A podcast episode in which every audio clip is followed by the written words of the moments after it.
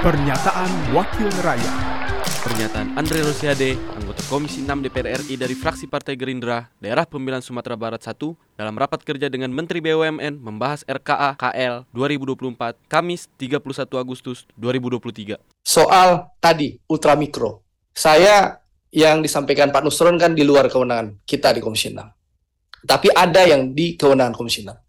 BRI sekarang untung 30 triliun, naik 18,7 persen. Ya, untungnya BRI di semester pertama tahun 2023 ini. Ini lonjakan keuntungan 18,7 persen. Ini luar biasa. Manajemen BRI dan Pak Tiko tentu tantiemnya tinggi, tambah tinggi karena Presiden Komisarisnya BRI.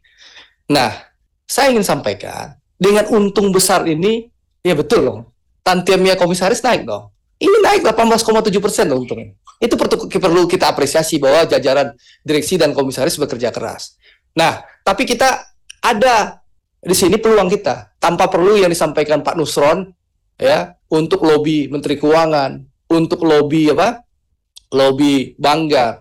Ada kewenangan kita di sini Mas Bimo. Kita kan komit nih waktu mendukung ultramikro itu didirikan, terbentuk bahwa bunganya itu harus belasan persen.